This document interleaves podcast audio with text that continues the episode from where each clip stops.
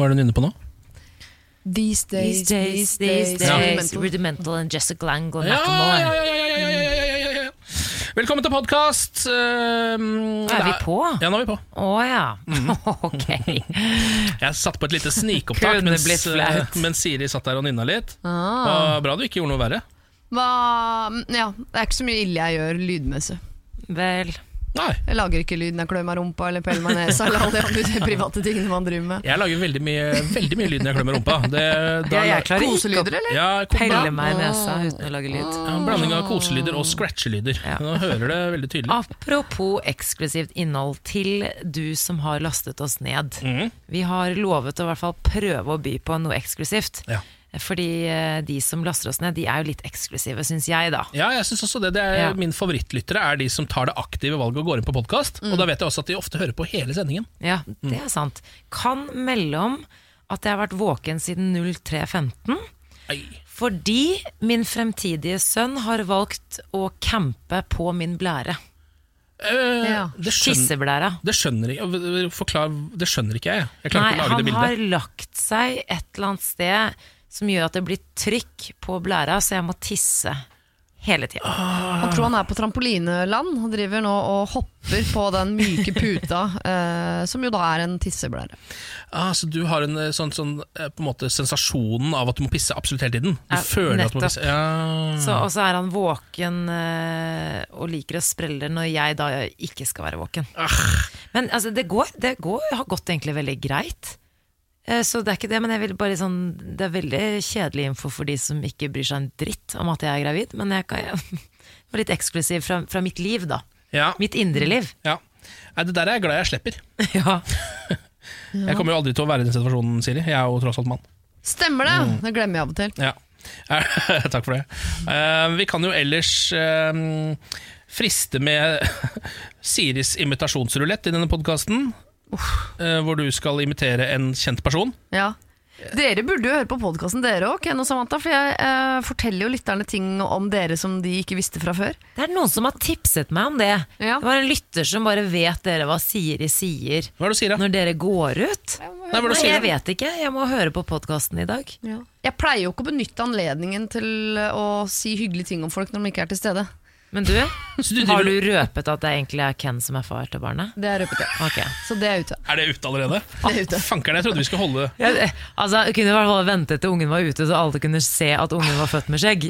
Det de, altså, kunne ha ventet Og ikke ski på beina, liksom. Verken uh, rifle eller ski på beina. de hadde jo bestemt at dette her skulle ikke komme ut før jeg var på Filippinene, og den informasjonen var trygg. Da må dere ikke slippe meg ut på egen hånd uten uh, vakter. Jeg har Nei. ikke nubbesans til å holde på hemmeligheter. Men i dag var du god på ruletten. Du er faktisk, jeg skal ikke si men jeg følte også at jeg var Ja, jæskla du god. Du var veldig kjapp i dag. Det Ja, du ha. Ikke noe mer røping. Eh, da er det ikke noe vits å høre på podkasten hvis vi sitter og gjenforteller alt som skjer i podkasten. Eh, kos deg med denne podkasten. Vel bekomme. Dette er morgen på Radio 1. Hvordan går det med dere? Siri Kristiansen, eh, vikar for Niklas Baarli, som er på 71 grader nord. Det verste er at selv om Niklas Baarli driver og klatrer i fjell og hopper i daler og sover i telt og sikkert er kald og sulten og redd og lei seg, Ja. eh, så akkurat nå syns jeg mest synd på meg sjøl, for jeg spilte volleyball, innendørs volleyball i går.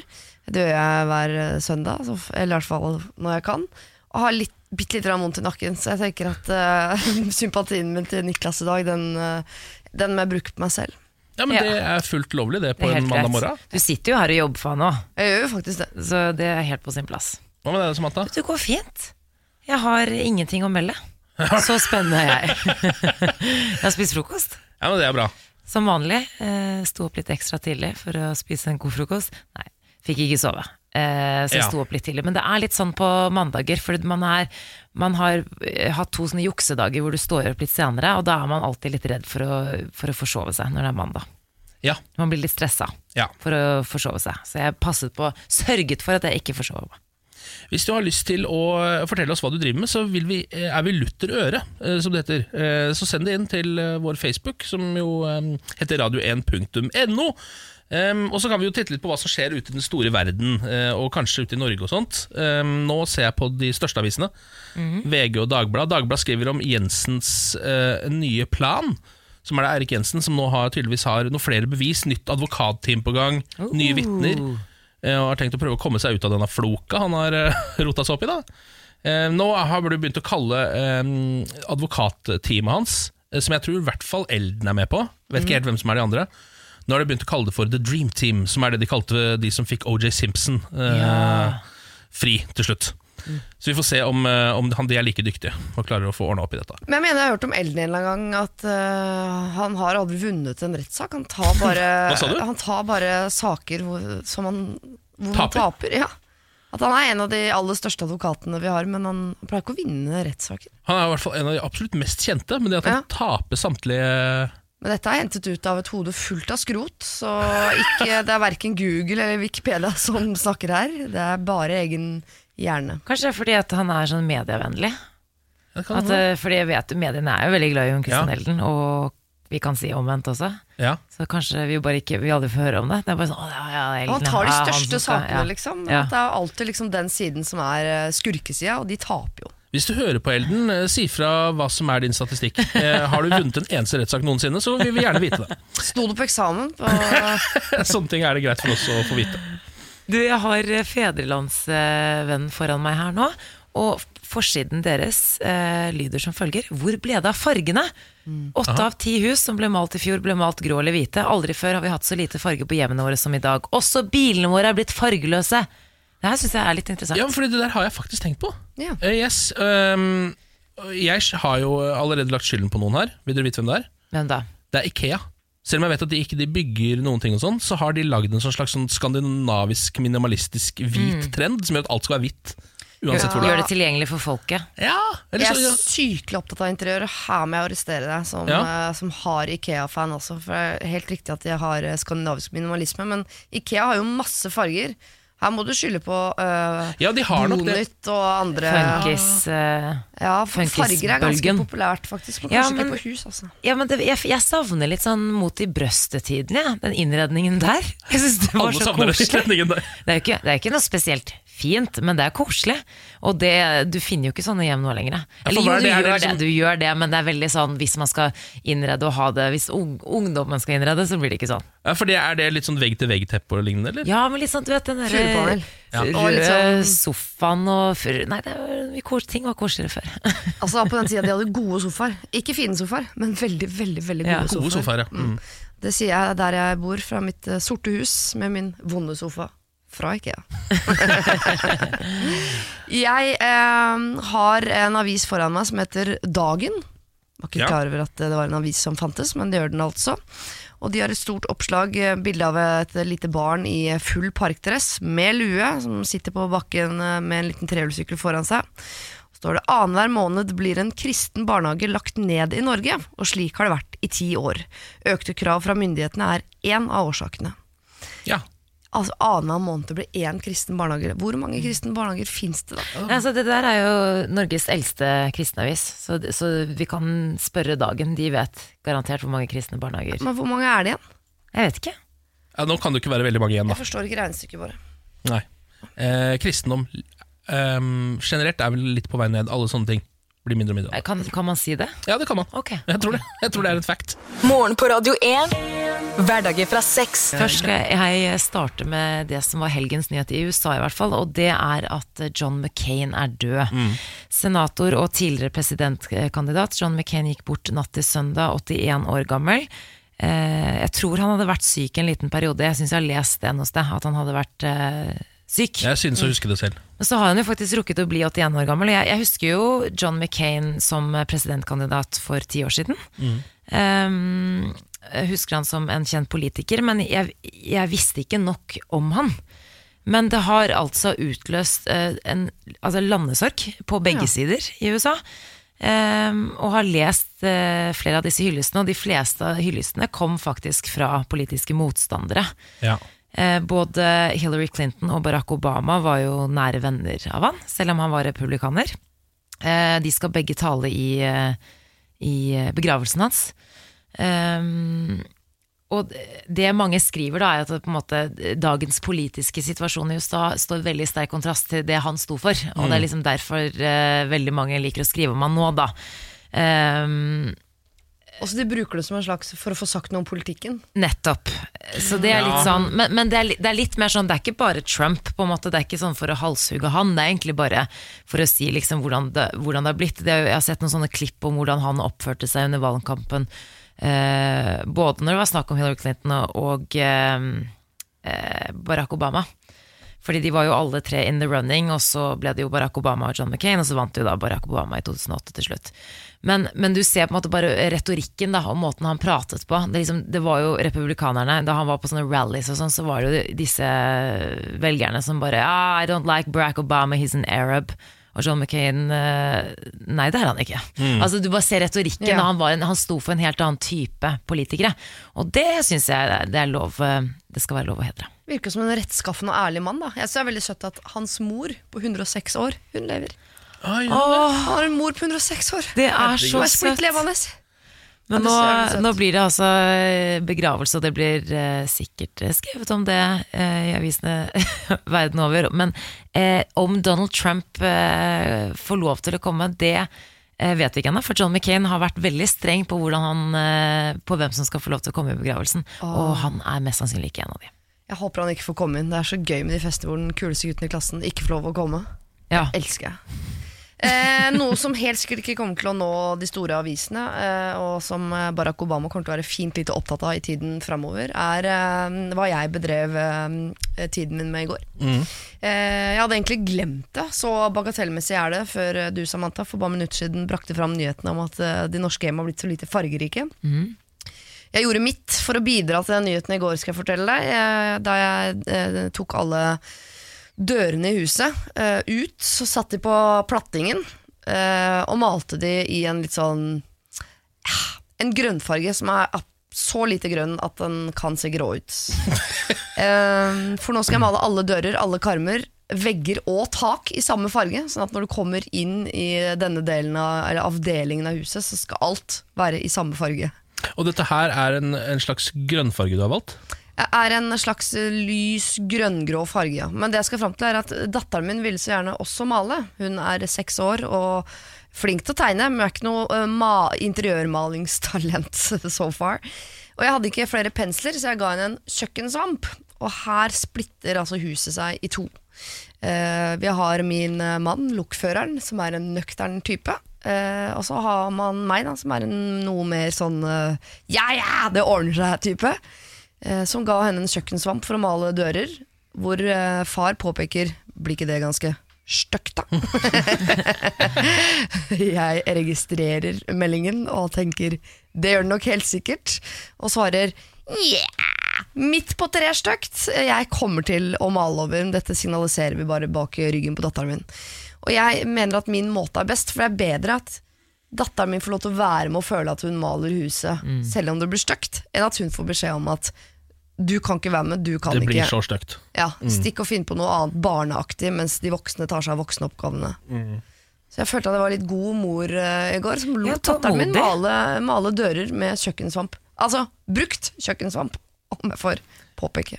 Meget pedagogisk. eh, Siri. Ble det fint da, til slutt? Det blir ikke fint. Nei, ok. Jeg jeg føler det er vanskeligere med en gang eh, din datter kommer inn på kjøkkenet og skal lage middagen. For der pleier vi å si nei, for jeg orker ikke å ha uh, hele agurk i tacoen. ikke Nei, for sant? eksempel. Nei. Uh, og da er det vanskeligere etterpå også, for du kan på en måte ikke bare late som du spiser det, og så spiser du egentlig noe annet. Nei, Der pleier jeg ofte å si stikk og lek eller noe. Men i går var jeg pedagogisk. Da sier du 'gå og gjør barneting', så skal voksenfolk gjøre voksenting. Uh, britene frykter sædmangel som følge av brexit. Oi. Det har kommet mye litt sånn eh, diffuse meldinger om hvordan brexit eh, kan, eh, kan bli, når det virkelig spell, begynner å smelle. Men nå viser det seg altså at det kan bli stor mangel på donorsæd i Storbritannia dersom britene ikke får på plass en handelsavtale med EU, som det ikke ser ut som de kommer til å få på plass, innen brexit eh, sparker i gang.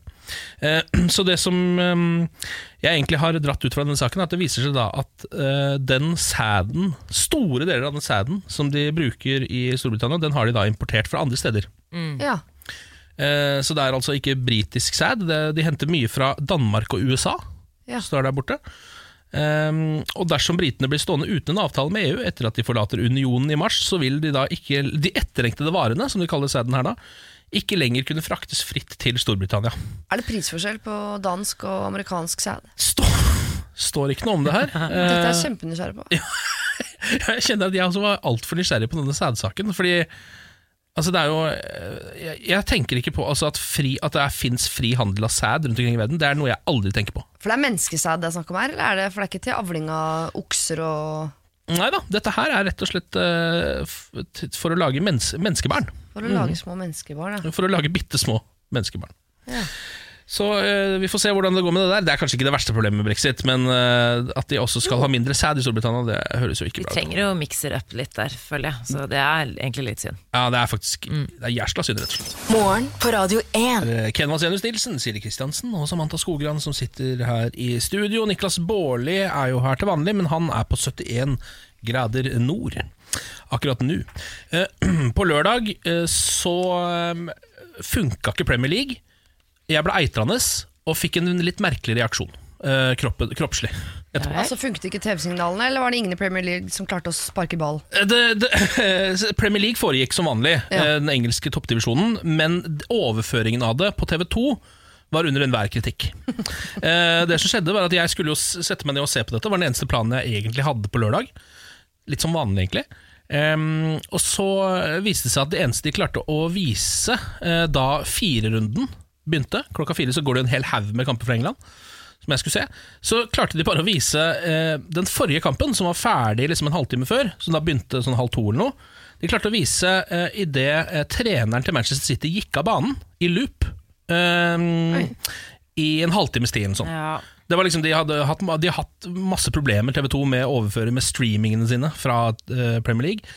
Og jeg kjente at det var, nå var det litt nok for meg, Fordi det er, altså, det er en av de dyreste tjenestene jeg har. Ja. Eh, det greiene der, det er drita dyrt. Jeg har også en annen strømmetjeneste som sender spansk og italiensk. Den koster 500 kroner for hele sesongen. Ja. Det er det det koster med liksom én måned i Ja. Premier League. skjønner du, Men det er helt uhorvelige priser. Liksom, det er helt sjukt. Så jeg satte meg ned og sendte en eitrende mail. 'Hallo, rasstapper'. Altså bare, jeg var drita sur, da. Eh, Fikk ut alt agget mitt. Noe som er veldig, veldig sjelden det skjer med meg, men jeg bare kjente at det her, det her funker ikke, nå må jeg klikke. Um, så jeg satt og agga meg helt fullstendig opp og ned igjen. Um, og etter jeg hadde trykka 'send' på den mailen, så kjente jeg at kroppen ble veldig rar. Eh, for da gikk den på en måte inn i dvale. Altså jeg, jeg bare kjenner Å herregud, ble jeg veldig, ble du søvnig? jeg ble drittrøtt. Og la meg ned og bare sovna. Og så tror jeg faktisk Altså jeg sov, jeg sov Da var jo klokka sånn fire, da. Jeg tror jeg sov til sånn åtte-ni. Jeg sov Oi. gjennom hele lørdagen etter å ha sendt en sånn rasende mail. Så jeg satt igjen etterpå så tenkte jeg sånn Ok, det er to ulike årsaker til at jeg gjør dette, eller er to potensielle årsaker. Enten så er det det at um, jeg nå ble så sliten av aggro at jeg måtte legge meg og hvile litt, for det er så sjelden jeg er aggressiv. Eller så er det det at kroppen innser at hvis ikke du skal se på fotball nå, så er det ingenting annet du trenger å gjøre, så du kan like godt bare sove i fem timer. Ja, da vi gå for den første. Andre var for trist. Ja, Det er ikke noe alternativ til fotball eh, på en lørdag annet enn soving. Det er for trist. Nei, la oss håpe at eh, For deg er det så fremmed å være sint at kroppen reagerer med å gå i eh, naturlig narkose. Takk for det. Det tror jeg også. Det kler, det kler deg ikke, Ken, og det tror jeg du skjønte selv. Det føltes veldig rart. Det Og føltes Enten så måtte du bare sitte der og være lei deg og angre, eller, eller sove. Jeg tror det var kroppen sånn, Ja. Det er sånn forsvarsmekanisme. Jeg sov det ut litt som en russ. Men ikke Ja. vær lei deg, Ken. Det går bra. Jeg jobbet jo i TV 2-sporten i mange år, og Mm. jeg vet jo Vet jo hvor irriterende Altså, jeg satt jo på den andre enden der. Ja. Ikke, ikke, jeg var ikke mottakeren av de e-postene, men eh, ja, jeg kan forstå frustrasjonen når noe ting ikke funker. Ja, Men det er ikke du altså, ja, fanker, Nå begynte jeg å tenke at det er noen som må lese den mailen nå. Ja. For det tenkte jeg ikke på der du har sendt den. skjønner du Jeg er ofte hyggelige folk òg, men ikke vær eh, lei deg. Nei, jeg, jeg skal prøve.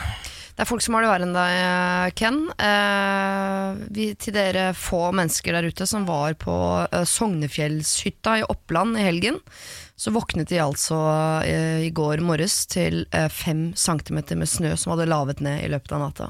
Yes. Altså, her kommer man på besøk til et land som skryter av å ha hatt uh, tropesommer i fire måneder i strekk. Man er på besøk, legger seg til å sove, aner fred og ingen fare.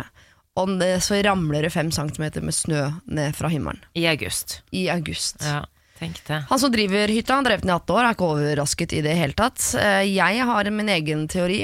Jeg eh, tror ikke det er tilfeldig at det ramla fem centimeter med snø ned fra himmelen til Sognefjellshytta. den dagen hvor uh, Sogn eh, hadde prinsessa si på TV.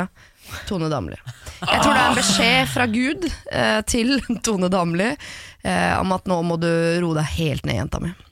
Nå tar vi det, legger vi dette litt på is. Nå tar vi Å, det. det er sånn symbolsk såpass, ja. Det er himmelen som prøver å si noe til datteren sin. På Gran Canaria. Ja. Fordi hun nå er på Granca med Love Island, eh, bikinier og svette, så skal de liksom dra henne tilbake til hytter og lavende snø. Jeg tror det. Men da har ikke Gud sett Love Island, det skal vi snakke mer om i dag. For eh, det var ikke noe i veien med Tone Damli. Hun gjorde en strålende figur.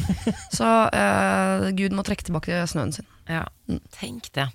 Lage drinker når du ikke skal drikke de sjæl. Eh, lørdag var jeg på innflytningsfest til en venninne som har fått seg hus. Eh, det var grillings og leker og kos og hygge. For de som ikke har fått med seg det, så drikker jeg jo ikke om dagen fordi jeg er eh, with child. Og de har sagt at det ikke er så lurt når man er with child. Da. Nei. Det er ikke bare et valg du har tatt. på en måte Nettopp. Generelt så skal man visstnok ikke drikke Ja, når man er sånn. gravid. Sånn. Har ikke vært mye edru på fest tidligere i mitt liv. Jeg har eh, tidligere i dette programmet fortalt om at jeg, liker, at jeg nå liker å holde meg opptatt på fest. Fordi jeg er ikke en veldig god edru person på fest.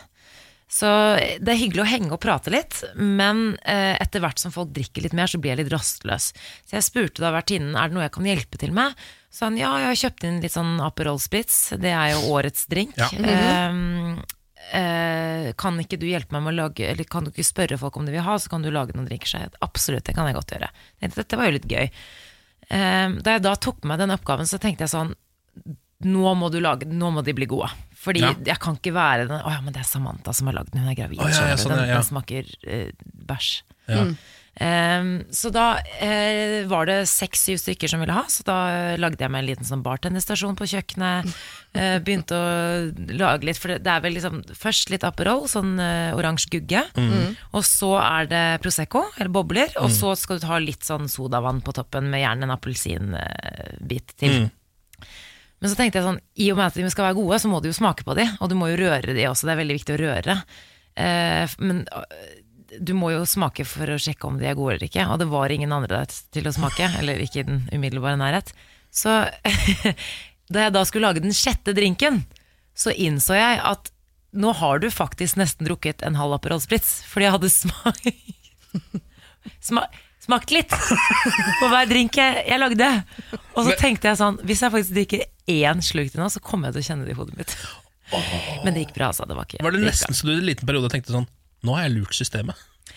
Nei, Systemet får jeg- ikke jeg med bare- seg dette. Nei, altså, det gikk bra, det vet vi jo ikke før i januar, da, Samantha. Nei. Jeg tenker våre foreldre, det var jo litt verre da, var det ikke det da?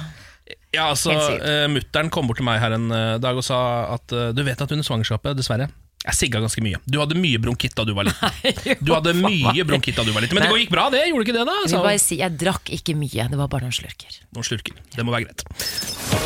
Dette er morgen på Radio 1. Ken, Samantha og Siri, som jo er vikar for Niklas Baarli, han er på 71 grader nord. Akkurat nå så ser jeg for meg at han snurrer rundt og rundt og rundt og rundt i en kajakk. Ja, ikke kommer seg- Kommer seg aldri ut, en evig runddans. Stakkars. Tror dere han eh, er han eh, sånn som kan bli litt forelska i Tom Stiansen? Eller er ikke det hans type? Han liker Tom Nei. Stiansen ruver jo i terrenget, han er en stor mann. Ja. Tom Stiansen er ikke hans type, kan Nei. jeg bekrefte. Ja. Eh, Niklas liker eh, gutter som er Altså, Tom Stiansen er pen, altså. Ja. Men han liker nok eh, gutter som faktisk er litt lavere enn han, tror jeg.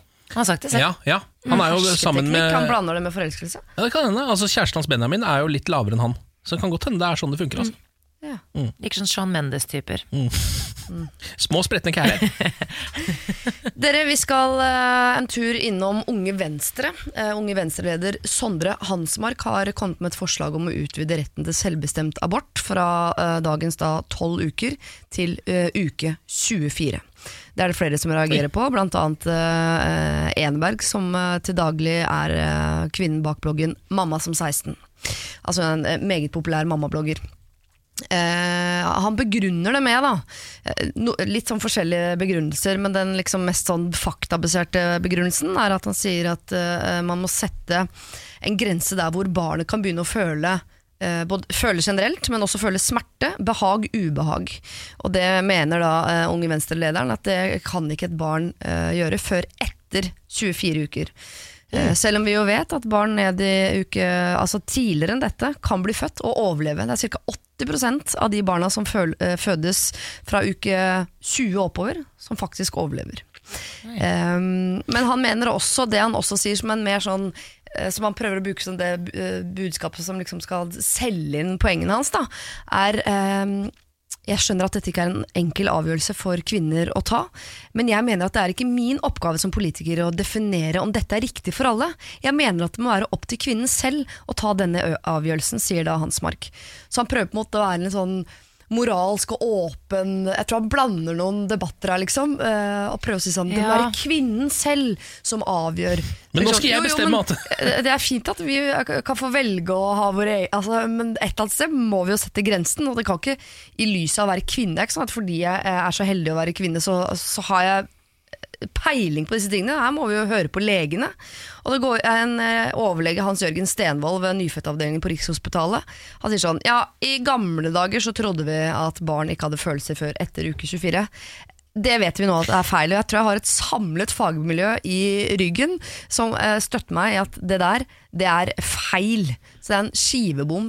Bare så Hvor han hentet kildene sine fra? For jeg tenker sånn, det, det på biblioteket og henta en gammel støvete bok, da. I utgangspunktet så er jeg for selvbestemt abort på alle plan, selv utvidet. Men hvor går grensen eh, for hva som er forsvarlig på vegne av fosteret òg, tenker jeg. Uke 24, det er seks måneder på vei, det.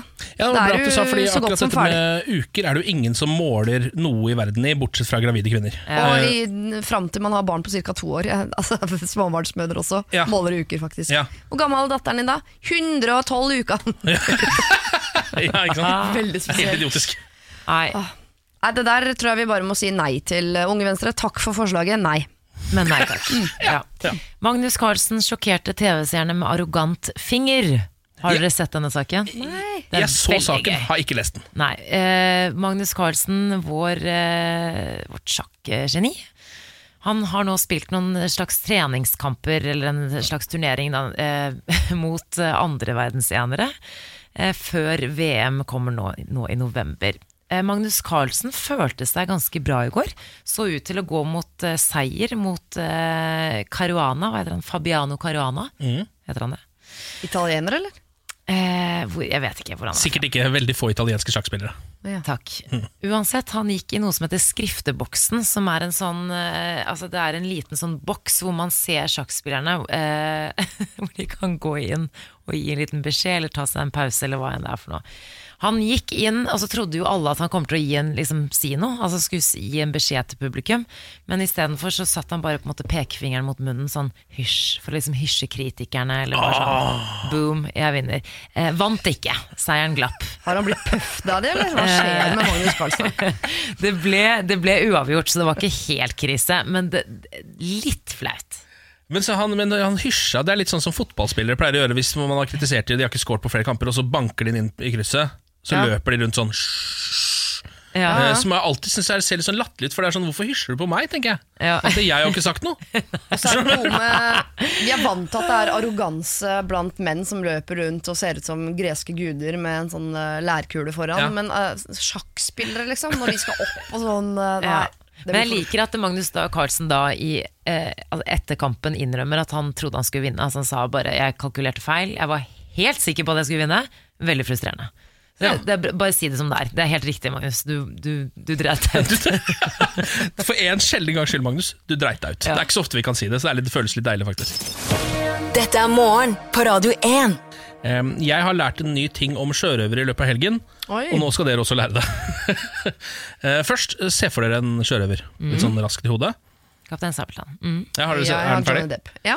Eh, har sjørøveren øyelapp? Nei. Ja. Ja, du har øyelapp, ja. Du har ikke øyelapp, nei. Mm. nei men eh, fordi det, vi har, det jeg har lært nå, er hvorfor eh, de hadde lapp for øyet. Sjørøverne, nesten alle sånne eh, skildringer av en sjørøver, så ser du jo at han har en lapp for øyet. Veldig ofte, i hvert fall. Noen ganger også en papegøye på skuldra eh, og trebein. De tingene skal jeg ikke De har jeg ikke lært noe mer om, bare akkurat lappen for øyet. Eh, Jeg har jo tenkt helt fram til nå at grunnen til at de har lapp for øyet, er at de har mista et øye. Altså at alle sjørøvere har ett øye bare. Så Derfor så har de lapp over det andre øyet, for der er det bare hulrom inn i skallen. Det viste seg at det ikke nødvendigvis er helt riktig. Eh, for det, det jeg leste på internett nå i helga, var at grunnen til at de har eh, lapp for det ene øyet, er eh, mørkesyn. Altså, fordi De må jo hele tiden bevege seg fra lysomstendigheter til mørkeomstendigheter. F.eks. fra oppe på dekk og ned under dekk Ja. på en båt. Der er det mørkt.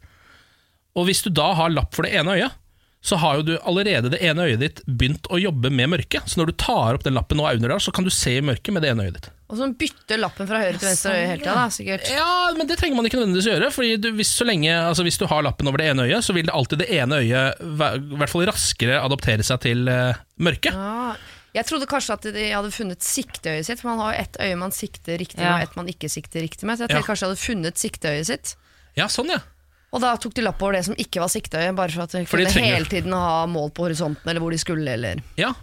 Nei, men Det er også, i hvert fall, det er det og Myth, Myth, Mythbusters har testa dette eh, og funnet ut at det, det funker faktisk. Det med å, Hvis du har lapp for øyet, så er det, da får du mørkesyn på det øyet mye kjappere. Hvis du går inn i et mørkt rom. Veldig gøy program for øvrig. Ja, mye, Ja, det er faktisk mye, men, men takk for den viktige opplysningen. Ja, jeg syns ikke den var, den var ikke verst. Jeg, altså, jeg var så interessert i sjørøvere da jeg var liten. Eh, hvis jeg hadde fått vite sånne ja, ting som det er, så hadde jeg vært et bedre menneske den dag i dag. Hvilke yrkesgrupper eh, den dag i dag burde adaptere dette? For det må jo være yrker der du går inn og ut av eh, fra lys til mørkt hele tiden. Ja, fanker det Tenker, eh, kino, Folk som jobber på kino. Ja, lurt. Folk som jobber på kino.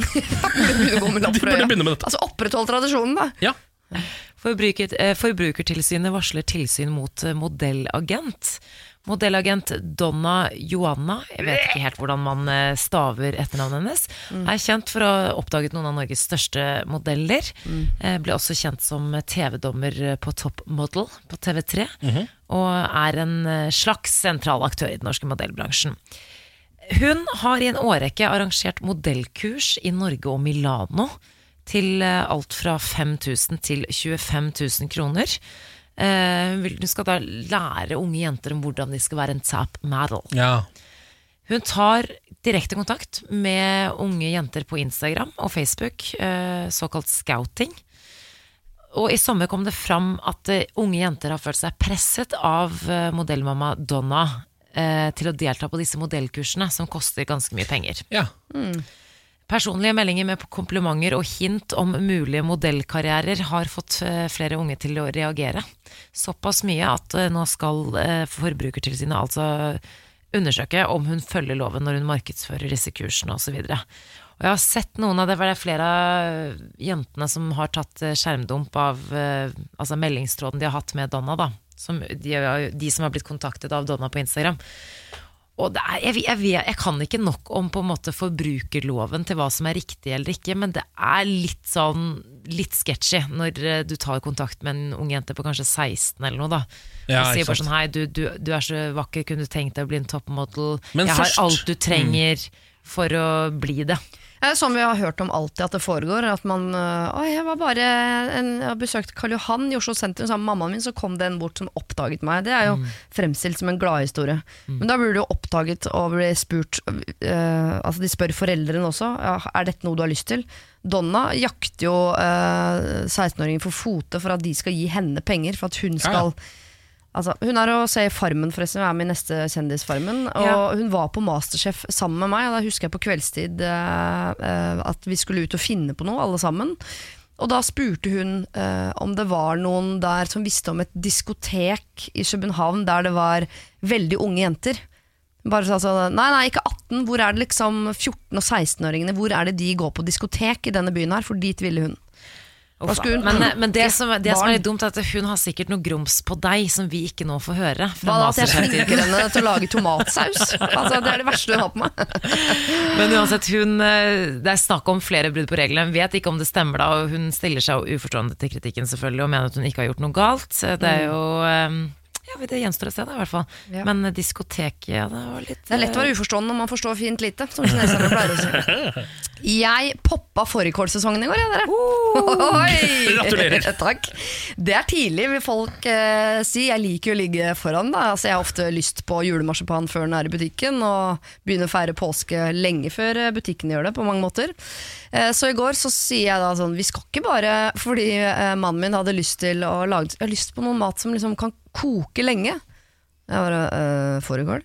Mm, nei, det, er ikke, det har ikke kommet fårikål i butikken ennå, sier han. For han tror at det må stå fårikålkjøtt på pakka. Så sånn, du vet at det er lam... Altså det er samme dyr, det er ikke et eget fårikål som går rundt på setrene, og så slakter vi fårikålet og legger det i pakke. Det er, det er et lam. Eh, Det er ikke får engang, det er faktisk lam. Ingen som spiser får, det smaker vondt. Vi spiser lam. Så vi kan bare dra på butikken og kjøpe lammekjøtt og uh, kål, så, så lager vi fårikål av det, selv om ikke det står fårikål på selve pakka.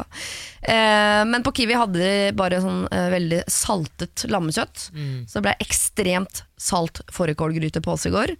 Og dette lager vi ja, seks-sju ganger i løpet av sesongen, selv om vi vet at barna hater det. Gjør det det? Ja. maten jeg, vet om, Ja, jeg, jeg likte det heller ikke da jeg var eh, barn, men det var mye pga. alle de hele pepperne. Åh, jeg hadde konkurranse med broderen om hvem som klarte å spise flest hele rekeøyne, som vi kalte det. Det ser ut som rekeøyne. Men det er så godt, Du er så glad i høsten, du, Siri. Så du, du Det var litt noe forsmak. Ja, og jeg tror kanskje noe av grunnen til at jeg elsker høsten er nettopp fårikål. For fårikål er den eneste maten som fins i verden hvor jeg eh, spiser etter at jeg er flau. Altså Man kan spise til man blir flau, men fårikål Jeg fortsetter å spise selv om jeg er i selskap med mennesker jeg ikke kjenner. Jeg, jeg, jeg, har ikke noe, jeg klarer ikke, og jeg sier det på hverandre, jeg beklager. Dere kommer til å få nye briller på meg nå, for jeg kommer til å spise etter at dere har stoppet for lenge siden. Ja, men vet du jeg, blir, jeg kjenner at jeg blir inspirert. Du spiser uh, fårikål uh, før sesong. Ja. Uh, I dag skal jeg ha tacofredag på mandag. Oh, life hack. Ikke sant, life hack. Men inviter oss neste gang, Siri. På det. fårikål? Ja. Det skal jeg gjøre. Takk. Gjør det. Er ikke sikkert jeg kommer med Du kommer. Morgen på Radio 1. Hverdager fra seks. Ken, Samantha og Siri, som er vikar for Niklas Baarli. Han er på 71 grader nord enn så lenge. Han har holdt, jeg syns han har klart seg bra til nå. Jeg har ikke fått med Han noe det. han har gjort, men han er der fortsatt. Nei, og de har jo tilgrenset eh, tilgang til eh, Altså begrenset tilgang på mobil. Mm. Men jeg sendte faktisk eh, akkurat melding til han i håp om at han svarer innen en uke eller noen dager. Jeg Ja. følger Jeg er så nysgjerrig. Jeg følger jo noen av de i produksjonen på Instagram, og der kan jeg melde at en av eh, i crewet der eh, står på toppen av et fjell og sier at eh, vi prøver å puste ut etter noen veldig våte og vindfulle dager her på 71 grader nord. Så de har hatt i hvert fall dårlig vær i noen dager. Vikaren les. Dårlig vær! Dårlig vær! Det er da, for jeg tenker sånn, Nå skal seerne virkelig bli kjent med Niklas, for å si det sånn. Ja. For, for virkelig ta et dypdykk inn i personligheten hans. Eh, og så har det seg jo sånn at Vi pleier jo å ha parterapi eh, på mandager. Eh, da pleier jo vanligvis Niklas å sitte her, og så er det da hans eh, kjæreste Benjamin som sender oss et lydklipp eh, med no et problem som han vil ta opp i forholdet. Og så skal jeg og Samantha på en måte prøve å løse opp for det. eh, Løse, opp, eller løse litt eh, opp i det problemet. Eh, Men så har vi jo tenkt at selv om Niklas ikke er her, så er jo ikke det noen grunn til at ikke det- vi skal fortsette med parterapi. Fordi problemene er jo fortsatt i forholdet. Mm. Så derfor så tenkte vi å dundre på med det nå. Her er det Benjamin har til oss denne uka. Ok, Som dere vet holder jeg Niklas på å flytte, men han er jo beleilig nok på 71 grader nord-innspilling akkurat nå. Så før han dro, avtalte vi at han skulle gjøre en del ting, fordi det er dritmye å gjøre.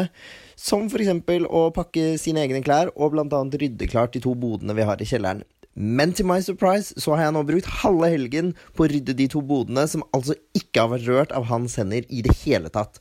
Og jeg er jo en grei type, så jeg skaper ikke dårlig stemning de få gangene vi prater på telefon under innspillingen. Så hvor mye har jeg lov til å klikke på Niklas når han kommer hjem, og kan han gjøre det godt igjen på en eller annen måte? Ja! Altså, Niklas, man vet aldri om han snakker sant eller ikke, fordi de dagene før han reiste på 71 grader nord, ja. innspilling, så sa han jo Åh, jeg er så sliten, jeg har brukt så mye tid på den flytte og pakkene, Ja, sakene Han mine. sa det! Jeg har tømt alle bodene! Vi vet jo ingenting. Vi har jo bare én versjon, og den kan vi søren meg aldri stole på. Nei, og den er jo tydeligvis i dette tilfellet ikke sann. Eh, ellers så ljuges det på begge sider, men eh, da er det noe dypere i forholdet igjen. Eh, så jeg tror vi Jo, men jeg synes jo dette Nå gikk det et lys opp for meg. Dette er jo grunnen til at Niklas er på 71 i nord. Er jo nettopp for å slippe Man tenker sånn, Jeg skal vel alltid kunne klare å gå i et fjell, men rydde bod og flytte og bære inn, nei, det gidder jeg ikke. Men jeg hadde faktisk også valgt eh, naturtortur foran flytting. Altså jeg, jeg, hadde gå, jeg hadde kunnet besteget Kilimanjaro, i hvert fall forsøkt, da. Ja. Istedenfor å tatt, bite meg ut på en ny runde med flytting. For flytting er Ja. Ja, det er grusomt. Det er Det er ikke bra for forholdet heller. Jeg, ikke, jeg syns det er bra, Benjamin, at, uh, at du er så grei med Niklas når du først nå nå er han jo borte, og han skal jo gjennom noen tøffe utfordringer osv. Ja, du har rett til å bli sur, men her kommer problemet. Hvis man da klikker på Niklas, så tror jeg han responderer med like mye klikk tilbake. Nøkkelen ligger i å snakke til han som han er et barn. Og gi han et kompliment, det har jeg lært. Hver gang jeg gir et kompliment, så liksom, eh, Niklas glemmer alt du har sagt, og bare Nei, gi deg du, da! Altså, du må bare kaste inn en kompliment, så tar han alltid imot. Jeg er helt enig med å ikke kjefte på han på telefonen, for han er emosjonelt eh, nok, eh, altså vanskelig nok eh, som det er. Men når han kommer hjem, så må du enten lage en, altså en språklig sandwich, som da er kompliment, kritikk, kompliment. Veldig Sant? Språklig sandwich, ja. Ja, ja, Du må først eh, si noe veldig veldig pent, og så må du pepre på med det er salamen i sandwichen, liksom. Noe eh, ordentlig sånn 'dette er vanskelig', og så et kompliment på slutten. Veldig lurt. Ja, ja, ja, ja. Så det blir liksom litt sånn Å, du er så fin på håret. Du gadd ikke å rydde i boden! Du er flink til å synge. Ja. Ja. Ikke sant? Det er et veldig Ken. enkelt eksempel på det jeg mener. Ja. Ja, men det, det er jo et kjempetips. Ja. Men om han kan gjøre det godt igjen, er jo egentlig det han spør om. Da. Ikke hvordan han skal klikke, for klikke kommer han til å gjøre. Hvordan kan Niklas gjøre det godt igjen? Ja, ja for så, her hadde, Hvis dette hadde vært mitt forhold, så er det ingenting, nesten. Eller det er veldig lite som kan gjøre det godt igjen. Det at jeg har måttet ta 100% av flyttinga istedenfor 50 av flyttinga. Alene, og rydding Alene. av bod i tillegg er så sinnssykt Ja, eh, Ja. Det må i hvert fall gå et år før Niklas får lov til å eh, si sånn uh, Nå syns jeg du kan lufte Bjarne. Ja. Eller eh, hvis uh, Benjamin har lyst til å dra på guttetur til Praha i fire uker, så skal han få lov til det. Han skylder Altså Niklas er i manko nå, i hvert fall tre uker i manko. vet du hva jeg syns? Jeg betalt guttetur. jeg. Ja, så, ja, så drøy vil jeg være her. Altså At Ja. eh, Niklas må betale en guttetur for Benjamin, Ja. som Niklas ikke får lov å være med på sjøl. Jeg tror vi bare bestemmer det på Ja, vegne av ikke bare gjøre Niklas. det? jeg. synes syns vi bare kan gjøre det. Og hvis han vinner den der bilen, eller hva man får for 71 grader nord nå den blir Ingenting Benjamin heder sin. og ære. Ja. heder og ære, det kan Benjamin få. Ja, så det blir heder og ære til Benjamin, muligens. da Ja. Vet ikke om han vil ha det.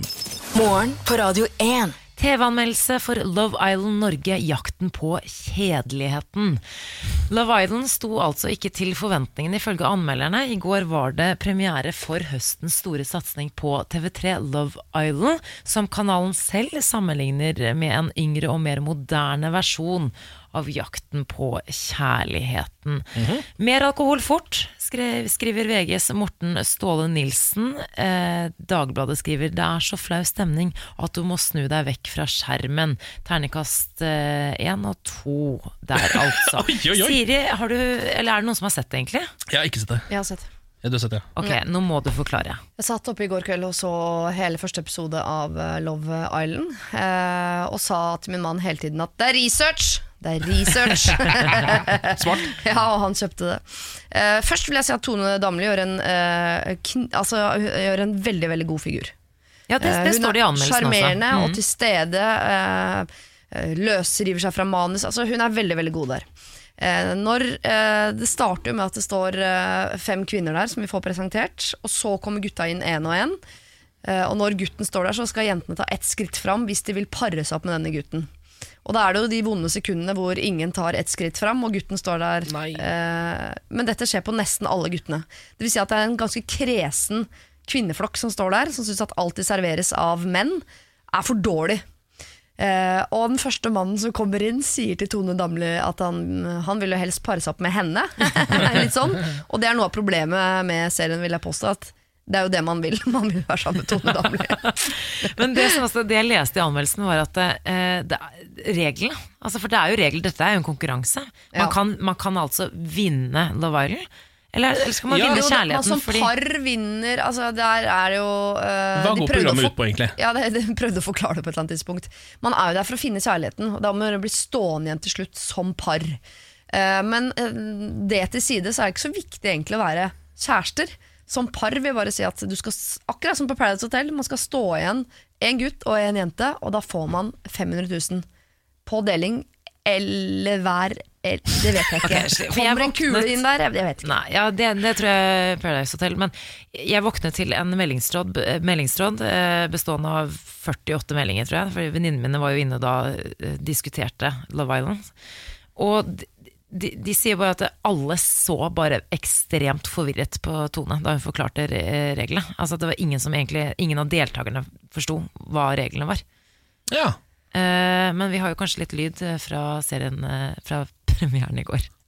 Uh, ja, det, altså det jeg tror da, det er at det er jeg vet ikke, noen gutter og noen jenter. Konseptet er kjærlighet, og finn den. Finner du, finner du nikken, så må du Og så får, har de litt leker for å få oss til å bonde mer, og så håper de at noen blir forelsket.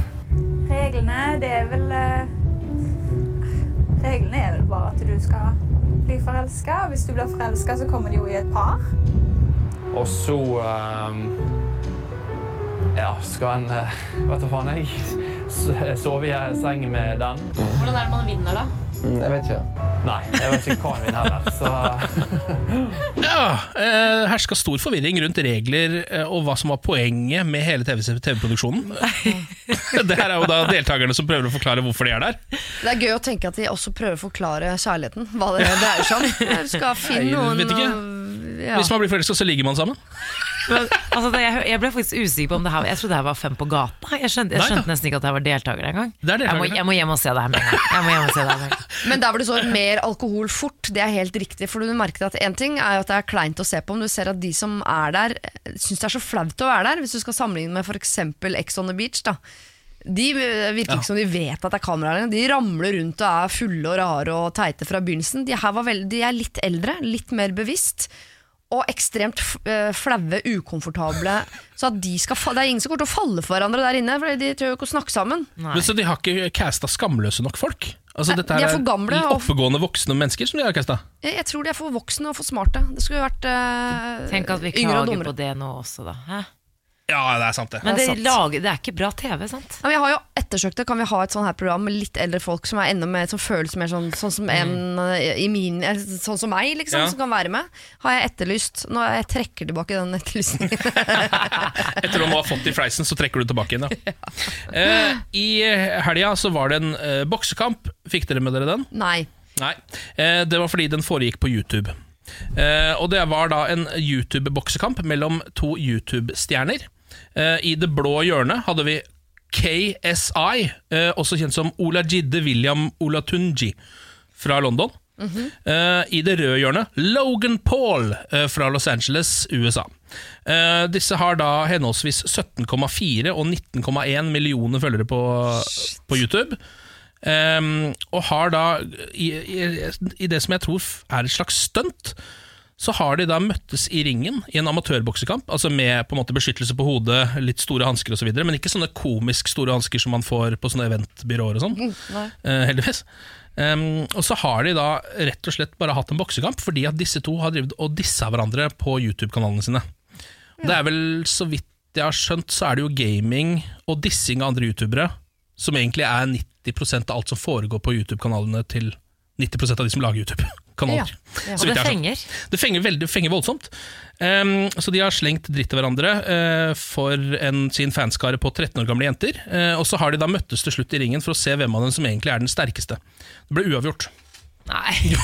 Så helt meningsløst. Ja, det er helt, helt De totalt fikk jo så mye kritikk i forkant av den kampen, for de er jo ikke boksere, og hva Ja. har de der å gjøre, osv. Men Ja. eh, oi, det ble uavgjort. Det er Ja. så spennende. Ja, uh, men én ting skal de jo på en måte ha for, fordi dette her eh, kosta det 80 kroner å se live på YouTube. Og det er visst første gang YouTube sender en såkalt pay-per-view. Altså eh, noe som du da kan betale for å se Ja. en, et sportsevent, eller hva det måtte være. da Og det tenker jeg at det høres jo egentlig ut som akkurat det Synes jeg høres ut som framtiden. At du kan gå inn der og se hvis du har lyst til å se på Superbowl. da Så trenger liksom ikke TV3 å kjøpe det. Da kan du gå og kjøpe det på YouTube sjøl, tenker jeg på en måte. Så kan du starte en YouTube-kanal, ikke sant? sånn livestreaming eh, Premier League, se Premier League med Ken, f.eks. Kan jo du starte. Det hadde vært noe. Spesielt eh, nå på lørdagens utgave, da jeg bare lov å sove gjennom hele Premier League. Ja, det. hadde vært en litt ålreit ting å Godt se på. eksempel. Morgen på Radio 1. Høring om terrorsikring på Stortinget. I dag må Erna Solberg forklare seg overfor Riksrevisjonen, som da er Stortingets eh, kontrollorgan, som passer på at eh, saker og ting er i orden, om hvorfor arbeidet med å terrorsikre eh, objekter i landet vårt, hvorfor det ikke er eh, ferdig Ja. tre år etter fristen. Og det er på en måte to ting regjeringen må svare for når de i dag møter eh, til høring. Det ene er eh, det rent konkrete, om de har fulgt opp arbeidet med å terrorsikre landet vårt etter 22. juli.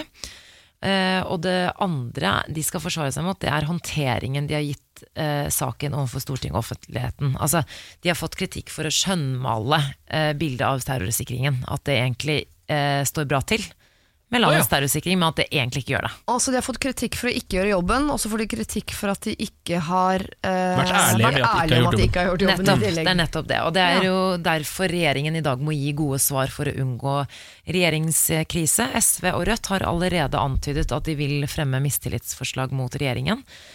Eh, Vi kan ikke ha en regjering som ikke klarer å sikre landet vårt. Det påligger en eh, vanvittig bevisbyrde for regjeringen, sier SVs Torgeir Gnag Fylkesnes.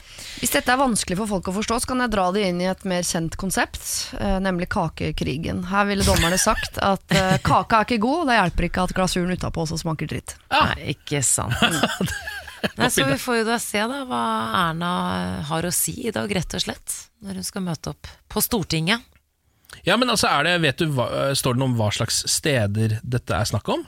Nei, altså Er det bare så generelt det er sånn- bare generell terrorsikring. Alt fra politiet til Forsvaret til Ja. systemer til altså Det er egentlig bare sikring altså, mot at eh, landet klapper sammen, da, hvis, vi skulle, Ja, ja. hvis det skulle oppstå en krise. Og så er det vel litt sånn å få, ut de, altså få inn veldig store blomsterpotter i gågaten og sånn, er det ikke det? Typ sånn type ting. Men jeg syns jo de fikk så mye skryt jeg, for 17. mai eh, i fjor, var det vel. For da var det jo ganske høyt eh, sånt si, farenivå med tanke på terror og sånn. Da husker jeg det var jo busser i gatene, i hvert Mm. Fall her i hovedstaden. da Ja. Men det var også snakk om Bergen og noen andre byer.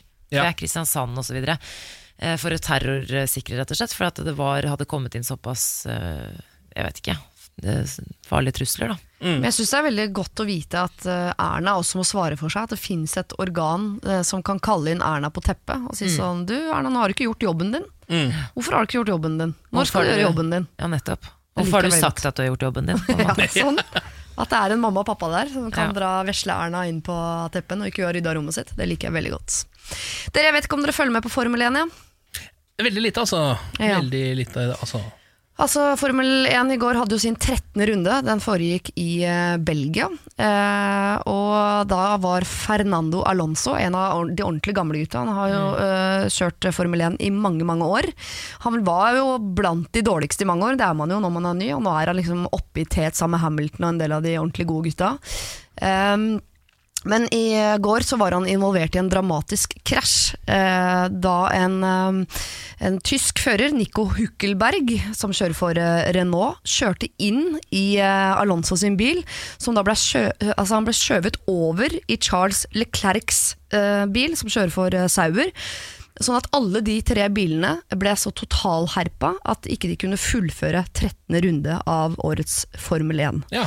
Eh, og det er så urettferdig greit at man eh, kan eh, kjøre feil sjøl, drite seg ut, kjøre ut, gjøre feil når man er inne på pitstop eller gjøre noe sånt som gjør at man ikke får fullført et løp. Men når noen bare kjører inn i deg bakfra sånn at, altså, du, har, du har ikke gjort noe galt, og noen kjører inn i deg bakfra, sånn at bilen din, som hva koster en Formel 1-bil, altså mange, mange, mange millioner kroner, er totalherpa. Og har de sikkert en eller annen bil i backup. Men jeg lurer på, eh, jeg er nysgjerrig her på forsikringen. Altså er det, eh, Hvem skal betale? Er det, laget, er det Renault, eh, altså laget til Nico, som må betale? Eh, har Alonso noe, eh, Må han eh, betale noe her, eller laget til Alonso? Eller er det eh, Sauber som må Hvem må betale? Det er en CD-kollisjon.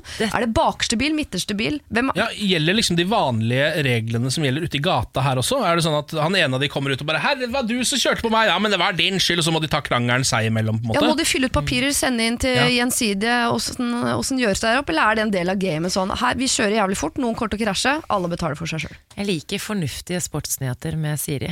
Det handler liksom ikke om at den ene tapte, den andre vant. Det handler om forsikringen. Jeg har faktisk ikke sjekka hvem som vant denne runden, det er sikkert Hamilton i hvert fall, som ligger an til å vinne årets Formel 1. Til, sånn totalt sett. De tjener så mye penger at de er forsikret uh, altså huet og ræva rundt. Ja, det vil jeg tro.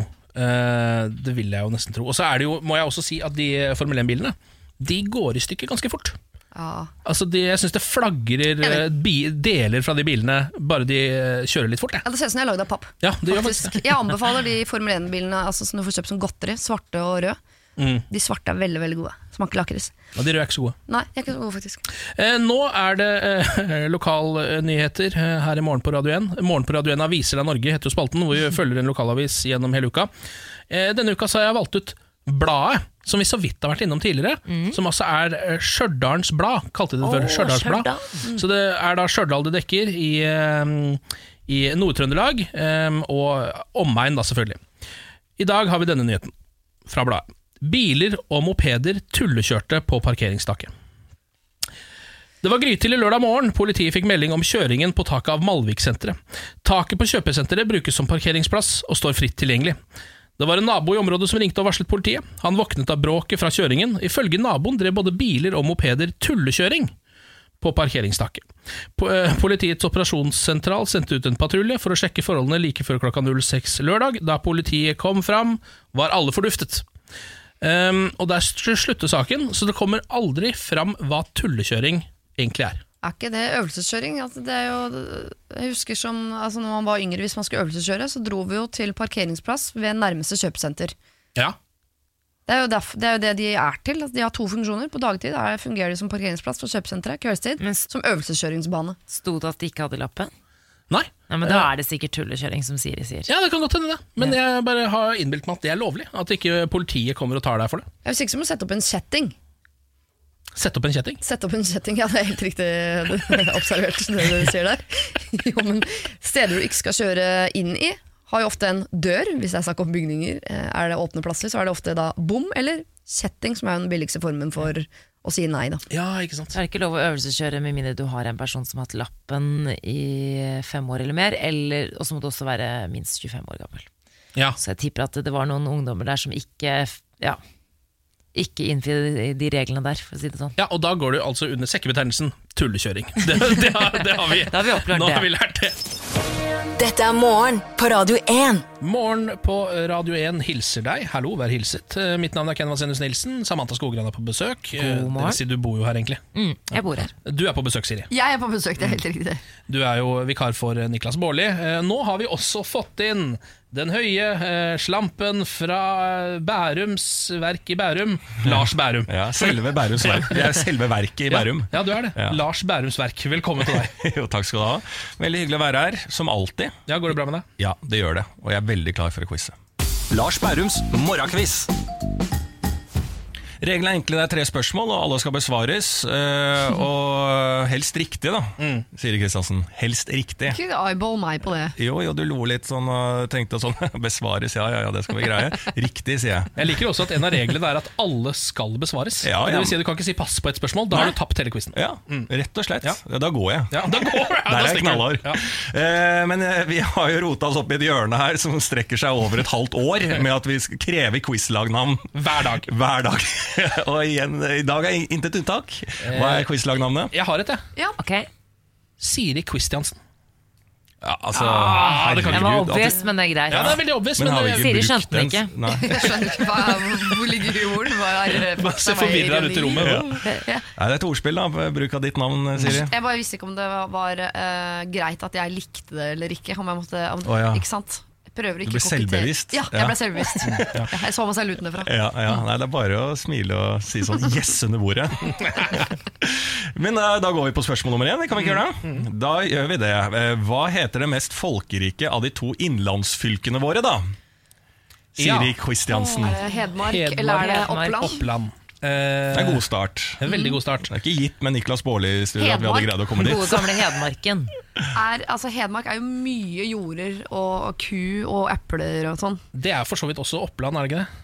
Ja, jeg bare, Kanskje litt Man hører mer om Hedmark. Men folkerike, da. Ikke mest eh, dyr og Nei, det er Ikke mest det er ikke plass til så mye folk der. Det bor én fyr, han har 300 kuer og noen epler. ikke Ja, sant? ja, ja. Eh, men man hører jo mest om Hedmark, så det må jo være en del folk der. Opp, aldri hørt om Du hører ikke om Oppland. Hva er, som, er som er i Oppland? Jeg har aldri hørt Si om en by i Oppland. Det burde vi klare. Du må ikke, hvorfor stiller du oss spørsmål underveis i quizen? Du må ikke gjøre det! Siri, ikke, ikke still spørsmål liksom, Ja. til dine medspillere. Nei. Og framstår dere så smarte, så greier dere å ødelegge Ja, det er sjæl. Innenfra. Ja, jeg tenkte Hedmark, det var den eneste fylket jeg kom på som var innland. Så jeg, la, Vi sier det. la oss bare si Det er sikkert Oppland, men det er greit. Mest folkerike av de to innlandsfylkene våre. Dere svarer Hedmark. Ja. Ok, da går vi til spørsmål nummer to. Eh, hva er, altså Dette her er egentlig plukket ut fordi at Ken Vasenus Nilsen er i eh, studio. Dette spørsmålet her. Oh, ja. Jeg hadde aldri greid det. Hva er i anførselstegn, det oppdiktede hjemlandet til barbareren Conan? Eller Konan. Oh, Konan jeg har aldri lest noe særlig Konan. Altså. Nei, da beklager jeg spørsmålet. Men det, Men, det er oppdiktet, så det er ikke et land som fins? Nei, altså, ja, Så var hjemlandet til barbareren eh, Konan, da. Eh, Det er litt men det sånn er Gotham oppdiktet. City, bare Ja. i Konan. Fan, er, det, er det han som er fra Eternia? Eller er Nei, Conan, det er han som er sånn Han er sexy. Han er mye, det er mye bar overkropp og sånn. Han er veldig hot. Det er det eneste jeg har å si om det. Men er, han fra, er det han som er fra Tørnia, eller er det noe fra He-Man-universet? Jeg føler at de går litt over i hverandre. Jeg føler uansett at du er riktig mann til å svare på dette spørsmålet. Ja, da sier vi bare Tørnia. Så, ja, ja. Eternia? Ja. Ok, da går vi til spørsmål nummer tre. Eh, under unionstiden med Danmark, dere Å nei. Ikke sånn, ikke sånn. uh, kunne man handle med bl.a. spesidaler, skilling og mark? Hva var mest verdt av en skilling og en mark? Jeg føler Ja. at skilling er mindre enn mark. Enig. At det er øre til skillingens krone. På Enig. måte. Jeg tror Ja. mark har høyeste verdi. Ja. Da sier vi det. Ja, ok. Mm. Dere svarer så umiddelbart og så konsist eh, i denne quizen her, men la oss se om det var mye riktig, da. Ja. Her får dere svarene. Hva heter det mest folkerike av de to innlandsfylkene våre? Her fant dere ut at eh, Oppland og Hedmark var våre to innlandsfylker. Mm. Det syns jeg nesten er et poeng i seg selv, ut ifra kvaliteten som pleier å være i denne gruppa. Eh, men dere endte på Hedmark. Det er riktig, det. Yes! Ja da. Kan du en by i Oppland, eller? Nei. Nei, ikke sant? Skulle vi Nei, bare ikke- ha deg med ned i gjørma. Ja. Kan du en by i Oppland? Lillehammer. Si en Er det Å, jeg trodde det var Hedmark. Ja. Ja. Lillehammer Jeg roper trodde- produsenten vår. jeg trodde også- Det er en ganske kjent by. Ja, jeg har hørt om Lillehammer. Lillehammer, da. Ja. Men er Hamar også der, da? Ja. Eller er på andre siden av grensa? Jeg tror det. Da burde jo Oppland være mer Det, det enn var derfor jeg Hedmark. tok Hedmark, for jeg trodde jeg, velger bare å holde kjeft. Ja, ja, vi stopper der. Ja, for det vi vet, det har jo skjedd tidligere at jeg svarer, svarene mine er feil. Men uh, dere får riktig av meg på Hedmark. Bra, bra. Ok, Da gikk vi til spørsmål nummer to, som jeg egentlig ga som en gavepakke til Ken Vasenus Nilsen, som jeg mener at er en sånn tegneseriefyr. Ja. Eh, hva heter uh, hjemlandet til barbareren Konan? Og her svarte du Eternia var det jeg sa. Eternia. Du hadde jo ikke lest så mye Konan, Nei. eh, så det var litt uh, dumt, da. Ja, det var veldig dumt. For det er eh, Simeria, eller Kimeria. Ja. Ja. Ringer det en bjelle, Nei, liksom? nei, det gjør ikke det. altså. Hadde ikke klart det. Hadde ikke Det var jo veldig vanskelig når du ikke har lest det. Ja. Så det jeg er beklager, jeg beklager spørsmålet, ja, ja. rett og slett. Eh, Men spørsmål nummer tre, der var det på ballen igjen. For det var under unionstiden med Danmark kunne man handle med bl.a. spesidaler. For et nydelig navn. Mm. Spesidaler. Eh, Skilling og mark. Hva var mest verdt av en killing og en mark, da, dere? Der svarte dere mark. Ja. Det er så riktig så Ja, det kan ja, få bli! ja, ja, ja. Det er bra, det. Så dere svarte da to av tre riktige, som jeg syns er veldig bra, med tanke på at eh, spørsmål nummer to med tegneseriereferanser var eh, umulig. Ja, Ja. Ja. jeg er helt du enig. selvkritikk. Ja. Nei, men vet du hva? Jeg syns vi er ålreite. Ja. Vi er gode. Vi hever oss. Lars, ha en uh, helt ålreit dag. Ja, jeg tror ikke det blir bedre i dag. Nei, det altså. tror ikke jeg heller. Morgen på Radio 1. Hverdager fra 6. Vi blir eh, veldig fornøyde hvis du har lyst til å sende oss en melding, f.eks. på Facebook. Der heter vi radio1.no. Det gjør vi også på Instagram. Send oss en melding. Det har Håvard gjort. Sjalabais! Tror jeg han sier. Shalabais, Håvard! Sitter på toget til jobb og hører på dere. God morgen på vei til Voss, forresten. God stemning så god tidlig. Ja. Ja. Eh, og kos deg uh, på Er det på Voss? I Voss? Eh, altså, på, vei, på vei til Voss. Nei, du sier vel eh, på Voss. Ja, man sier det. Jeg hadde helt skjønt hvorfor man gjør det, men man gjør det. Eh, der må du kose deg. Der er det, helt, er det vakreste stedet i hele Det er veldig fint. verden, Det er veldig fint. Ja. Oi, det var veldig hyggelig Har du aldri vært der? På Voss? Jeg har i hvert fall var ikke forbi enig? med tog. Eh, I dag, 27. august, så har Roald og Rolf navnedag. Og I den forbindelse så er jeg litt interessert i å vite om eh, babyen i magen din, Samantha, er interessert i å hete Roald eller Rolf. Jeg, før du sier noe negativt nå, Rolf. Min far Han kan du si så mye negativt om som du vil, men hans navn er Rolv Henning. Eh, Jeg skal, bare, jeg skal bare høre med han i to sekunder. Han sa nei. Han sa nei, ja. Ja. Til begge. Altså, Roald, det kan jeg like. Jeg, Jeg personlig, Babyen likte ikke noen av de navnene der, men Nei. jeg personlig liker Roald litt. Men tenker du tenker du på Roald Dahl eller Roald Øyen? Amundsen. Roald Amundsen, ja. Og Det er jo et navn som også kanskje er liksom i ferd med å falle litt bort. Eh, så man må jo huke tak i det. Det er jo som vi var inne på, veldig mange gamle legender som brukte det navnet. Så tenker jeg også sånn Det, jeg kan røpe hittil Vi har ikke kommet fram til noe egentlig Det er derfor jeg trenger hjelp Fra både dere her uh, i studio Men også til uh, dere der ute Dere som, dere som hører på oss Fordi, men, men jeg kan røpe såpass at jeg liker litt sånn oldefar-navn. Jeg liker gamle norske navn Hva med Roald? Ja, Men altså, jeg har et forslag her borte fra innboksen. eh, for det er Trond som foreslår Torry. Og det er litt sånn old school. Torry. Ja, det, det er eh, gammelt eh, Jeg må fortelle om noe litt sånn morbid jeg har gjort Jeg, jeg går jo rundt Jeg går ikke rundt jeg, Ja, nei, hvordan skal jeg Bare- si det her? bare si det. Trekk deg nå, bare si det. Grav, altså der hvor folk legges når de skal når etter de har dødd. Når de Hva heter det? Grav? På kirkegården? Kirkegård. Jeg har gått litt rundt der for å se på gravsteinene til folk.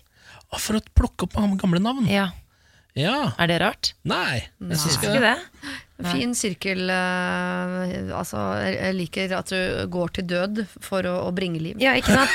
Men eh, når det, går, når det også gjelder da de to navnene som har navnet Det var Rolf og Roald. Ja. Rolf heter jo grillen til Niklas. Ja. Det går jo Ja. ikke. Det har vært litt rart å kalle opp ungen sin etter grillen til Niklas. Det er jeg litt enig i. Emil nevnte jo da Bjarne i går, eh, for han syns det er så søtt. Ja. Eh, Kjæresten min Emil. Men eh, det heter jo hunden til Niklas. Ja. Det, det, det går ikke. Rolf og Bjarne er untouchable. Eh, hva med Frank? For det foreslår Frank. Han foreslår sitt eget navn. Fra, Frank. han Ja. foreslår sitt eget navn. Ja. Jeg syns det er litt kult, enn Frank. Jeg er enig. Det Jeg er også veldig liker Frank. ja, international. Ja. Eh, Og Frank må noen blåse støv av. Ja, Ja. ja, det er ikke så mange som heter det. Stine har sendt oss en melding. Min sønn heter Håvard. Hva syns du om det? Jeg liker Det er, det er stødig, norsk og helt liksom Det, det, stikker, det er ikke sånn uh, ultrakreativt. Og det liker jeg. Jeg liker stødige Ja. norske navn. Og det passer veldig godt til Emil Hegle Svendsen at han har en liten Håvard tassende rundt hjemme. Ja. Ja, det, det liker jeg. Det dørskiltet ser jeg veldig for meg. Det er i, i Trolldeig, skal du vite. Ja, Der står det Håvard, Emil og Samantha. Du skjønner at her er det en eh, meget lekker eh, konemor som bor, med to staute karer. Jeg tror det det? Man ser hele familien. Ja, Det eneste jeg ikke liker med Håvard, er at da er det, tar jeg det for gitt at eh, fra noen, eh, i noen år, fra slutten av barneskolen og helt ut eh, ungdomsskolen, så kommer alle vennene til å kalle han for Howard. Eh, for da har de lært seg engelsk, og syns det er gøy det er at kult, Håvard og. Howard ligner på hverandre. Ja, men det er, tror jeg kan være litt irriterende nå. Ja, okay. Men du Siri, du, nå som du er her eh, som vikar for Niklas, så trenger jeg å bruke din ekspertise som mor. Så jeg tenkte bare å stille et spørsmål. Husk at jeg eh, agerer kun på instinkt og ikke på kunnskap. Det Og du gjør det, ja. ja. Ja, Det er derfor du sier at jeg skal liksom skrote og lese bøker og bare Det, det kommer seg. Ja, ja, det går ok. seg til greiene. Men det jeg lurer på at alle mødre, nybakte mødre, og spesielt førstegangsfødende, sier jo at du eh, bare skrot alt det du har planlagt i permisjonstiden. Alt det hyggelige du skal gjøre, for du Ja. får ikke tid til det uansett. Er det sant? Ja, altså det, Fram til jeg fikk barn, så lurte jeg på hva sånn Hollywood-fruer og sånn, hva de dreiv med hele tida. Eh, Men det er helt utrolig hvordan et døgn bare kan forsvinne. Og ikke bare ett døgn, men hundrevis av dem. Ja, men typ, Sitter man og ammer Ja. i 16 timer i strekk, liksom? Altså Selv om ting går knirkefritt, så har man jo en syklus i starten der som er eh, Først skal du amme, det tar litt tid. Eh, Så skal det gulpes, og så skal, så, så skal det tørkes. Og så, skal det, og så plutselig er det sånn Og så skal du amme igjen! Og det var bare en liten ti minutter mellom der. Eh, eller hvis ikke du skal amme, da, sånn som eh, meg, så må du da gi flaske. Og så må du vaske flaske, så må du koke flaske, så må du blande melk, og så må du Og så ja, Nei! Oi! Og så må vi på fra start. Men hva med når man skal på do og dusje og sånn? da? Nei, det gjør ikke det i starten. Det er ikke Fanker noe så do å mye dusje. styr. Altså, de, de har jo klart å effektivisere dette her når det kommer til kuer. Jeg skjønner ikke hvorfor de ikke har klart altså, Hvorfor er det så mye styr med, med Men det er mennesker? derfor på, på runde Kan to ikke uttale deg. Men på runde to finner du masse sånne tidslommer, for da skjønner man at å ja, det er jo mat når babyen sover, kan jeg gjøre ting. Men første gangen så er det altså kaos at man, man soser bort den tida man kan bruke på hyggelige og bra ting. Den soser man bort. Men på runde to da kan man cruise, altså. Okay, greit. Da cruiser man. Mm. Ja, du kan glede deg til å runde to, da! Ja, det sitter jeg her nå og gleder meg veldig Men til ikke planlegg å ikke gi ut, Du skal ikke gi ut bok og starte podkast. Det greiene der, det er bare å ja, skrote. eh, nei, ok. det kan Nei, du skrote. synd. Eh, Litt eh, kjapt innpå her. Vi har faktisk, altså Norge har tatt et VM-gull uh, i helga som jeg ikke tror vi har fått med oss. Eh, dette her er Erlend Fagerli. Han er 21 år, år gammel. Han stakk av med tre VM-gull under VM i Praha i freestyle-fotball. Altså triksing med ball. Nice! Um, Hva heter han? han heter eh, Erlend Fagerli. Han er 21 år gammel. Han eh, vant hovedkonkurransen Battles. Eh, etter å ha tatt en mislykket trippel jorda rundt, så traff han for fanden meg på jorda rundt på, trippel jorda rundt på den siste. Dro inn hele greina. Uh, han vant også Showflow, som er en annen konkurranse. eh, som jeg ikke vet noen ting om, men han, der, der er han visst ganske rå på Showflow. Han har også en bror eh, som uh, gjorde det ganske godt. Ja. Så jeg tenker en kjapp applaus jeg, til Erlend Fagerli. Jeg skal kalle opp sønnen min etter deg, Erlend. Erlend Erlend er bra navn. Erlend er bra navn! Men uh, ikke, han har ikke fått nok oppmerksomhet. Nei, jeg vet det. Altså, han er jo da tydeligvis den mest tekniske fotballspilleren i verden. Da. På en måte, det er jo det, det man kan kalle det mest showy og mest tekniske. Men han får masse oppmerksomhet blant uh, de yngre på moder jord. Altså, for jeg er jo en del på fotballcup med sønnen min, og han dukker opp der. Og da er det kø på kø på kø på kø. på kø Vaffelkøen kan bare gå og legge seg på Ah. køen for å få signert fotballen sin av uh, Mr. Fagerli. Ah. Den er long. Ja, du sier det, ja. Ja, Så han er stor i de yngre kretser. Han er stor. Morgen på Radio 1. Eh, Siri, Ja, eh, robotaktig og fint svart der. Ettersom Niklas eh, Baarli er på 71 grader nord, og du er vikar, så har vi jo bestemt oss for at du bare um, arver alle spaltene hans. ja. Uh, Det var enklest å gjøre det sånn. Um, og denne spalten vi har kommet til nå, er jo da det som vanligvis heter um, Bårlis imitasjonsrulett. Nå er det da Siris imitasjonsrulett. Spalten går ut på at du fra en hatt trekker en kjendis uh, og en situasjon. Så skal du da imitere denne kjendisen Ja. i denne situasjonen. Ja. jeg og Samantha skal prøve å gjette hvem det er. Forrige uke var det Kim Kardashian. Det er noe Og det er noe av det jeg har hørt. I alle mine år, her på radio. Så jeg er veldig spent i dag. Eh, jeg er jo ikke blitt noe bedre siden sist på å imitere. Nei. Eh, jeg blir veldig fascinert når folk får det til. Eh, Ja. og Inni hodet mitt så snakker jeg jo flytende dansk og amerikansk, og det hele tatt men eh, munnen lystrer ikke. Nei. Eh, og de situasjonene dere har lagt opp eh, det, Det er ikke, ja. Mm. Altså Allerede nå merker jeg jo at jeg egentlig har mer lyst til å, å eh, putte en bomstasjon opp i Ratata. ratata. Dessverre har vi ingen bomstasjon eh, ismurt eh, glid som du kan putte opp i ratata nå, så da Nei. blir det nok heller imite imitasjon. Ja. Eh, er du i anførselstegn klar? Ja da, Ja. men da vil jeg at dere går ut, så Ja. jeg kan fortelle lytterne våre Hei dere, hvem det er jeg skal imitere. Bare vente til uh, Tuppen og Lillemor går ut av rommet der, og vil samt, der, ja, samtidig benytte anledningen til å si Oh my god! Samantha Skogran er altså så gæren. Nå har hun snakket om den der Emil Hegle Svendsen-figuren i uh, månedsvis. Dere vet at de ikke er sammen. Altså Hun har aldri møtt han, og nå har han gått til sak mot Samantha Skogran fordi han mener at hun trakasserer han. Så det har aldri vært noe mellom Emil Hegle Svendsen og Samantha Skogran. Det er bare noe Samantha finner på. Hun finner altså bare på, og det er Ken som er far til barnet. Jeg skal i Nei, det er ikke lov. Nå har jeg trukket en lapp opp av en hatt, og her står det at jeg skal invitere Ken Vasenius Nilsen, som nettopp har kommet hjem fra jobb. Det er ikke lov å invitere en av kollegaene sine. Kom inn! Oi, oi, oi, oi, oi. Dette er en person Okay. Oi, oi, oi, nå er vi klare. Tror ikke denne personen har vært invitert tidligere. Altså aldri gjennom historien? Nei, det tror jeg, ikke vedkommende har eh, blitt. Og jeg, må bare, jeg husker ikke situasjonen. Jo, jeg husker situasjonen. Nei, jeg må tenke. Snakk litt dere, da, mens jeg tenker. Ja, jeg kjenner jeg er veldig spent på dette her. Jeg så, jeg titta gjennom vinduet da du trakk lappen. Ja. Jeg klarer ikke å lese lepper, så jeg har ikke peiling på hvem det er. Nei. Men jeg så en voldsom reaksjon i fjeset ditt. Ja. Eh, Du lyste opp i en slags blanding av 'å nei, dette går til helvete' og Mm. eh, 'dette syns jeg er komisk'. Ok. Mm. Ja. Er du klar? Da uh, starter jeg uh, om tre, to Ikke utsett noe mer nå. nå er det bare å. Kast deg ut. Ja, ok. Um, «Ja, digg å komme hjem, ass. Skal bare Ja, det er jo helt uh, konge for meg å bare ta av meg skoene her i den, uh, denne slags gangen som er rundt meg her, som en slags firkanta glass, for jeg skal bare slenge meg ned på sofaen, ta og grille noen greier og se på noe fotball, og så skal jeg Ken? Ja, det er Ken Vasenus. Er det meg?! Ah, fy faen, det hadde jeg ikke en sjanse. Hvem er dette? Er det Sven Nordin, tenkte jeg. Kan jeg bare si at Siri stappet uh, hånda ned i buksen? Det var det første hun gjorde. For liksom sånn, trusa, den der avslappede hånda i, Altså, i det såkalte bøndegrepet. Jeg tok bøndegrepet. Men jeg pleier aldri å ta bøndegrepet, jeg. Ja, men det driter vel jeg i. Det er en invitasjon. Ok, riktig er person. Jeg skal ikke kopiere, jeg skal imitere. Altså, Ken Vasenius Nilsen i sofaen? Er, liksom, er det jeg kom hjem fra jobb. Ja, når jeg kom hjem fra jobb, ja. ja hva var det jeg gjorde for noe? Så hadde jeg grilla? Kaster av deg skoa, griller litt og tar bøndegrepet før du ser litt fotball. Ken, jeg kjenner deg godt! Ja, Jeg tok den med en gang. Du kjenner meg altfor godt, tydeligvis. Men jeg skjønner Ja. ikke hvorfor jeg gikk ned i stemmeleie, for egentlig har du ganske lys stemme. Men jeg prøvde, det jeg prøvde på, da, folkens, det var kanskje ikke så tydelig, var å, å ha et veldig sånn rikt språk. Så istedenfor å si at du tok av deg skoene i gangen, så beskrev du rommet. Det var det jeg drev med. Er det, for det er sånn jeg, sånn jeg er. Det folk sånn er du, Ken. driver med. Er Lærer nye ting om seg sjæl hver dag. Åh, åh, det, det, fy fankeren, altså, de sier at det skal være en ære å bli eh, parodiert. Jeg vet ikke helt om det Om jeg syns det var det. Jeg syns du er drita god, jeg, Siri. Tusen, tusen, tusen takk. Det var deilig at vi fikk poeng. da Vi klarte det i hvert fall i dag. Ja. Jeg er tilbake neste mandag til samme tid. Bare å inn på billettservice og kjøpe billetter. Skaffe deg litt selvinnsikt, Ken. Ja, tydeligvis.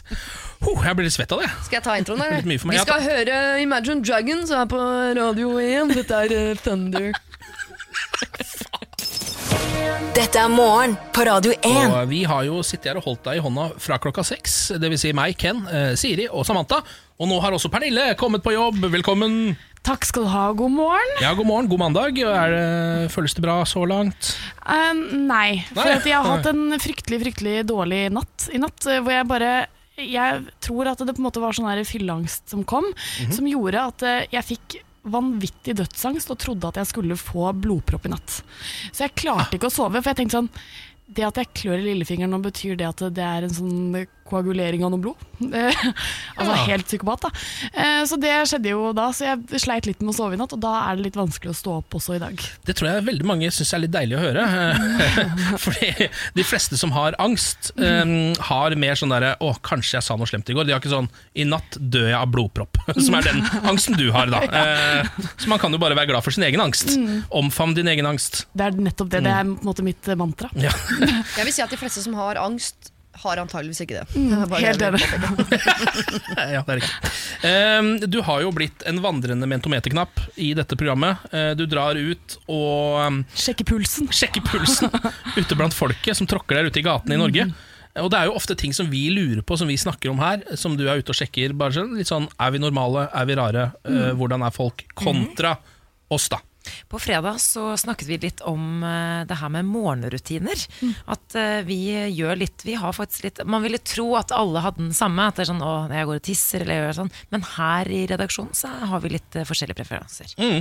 Jeg for eksempel, jeg lager, jeg må, jeg, Det første jeg gjør, er å løpe opp Eller løpe på kjøkkenet og så sette på kokende altså vann Ja. til egget mitt, som jeg må ha hver morgen. Ja. Og sette på tevann, selvfølgelig. Du spiser jo ditt morgendaglige egg. Det er helt Ja, riktig. det det du gjør. Det er helt riktig. Ja, Så jeg gikk rett og slett ut og spurte hva er det første du gjør på morgenen. Tisse. Går og tisse. Gå på do. Da går jeg og pusser tennene. Og inn på badet. Da dusjer jeg. Sjekker telefonen. Slår av alarm. Sjekker mobilen. Sjekker mobilen, og så tar man en snus.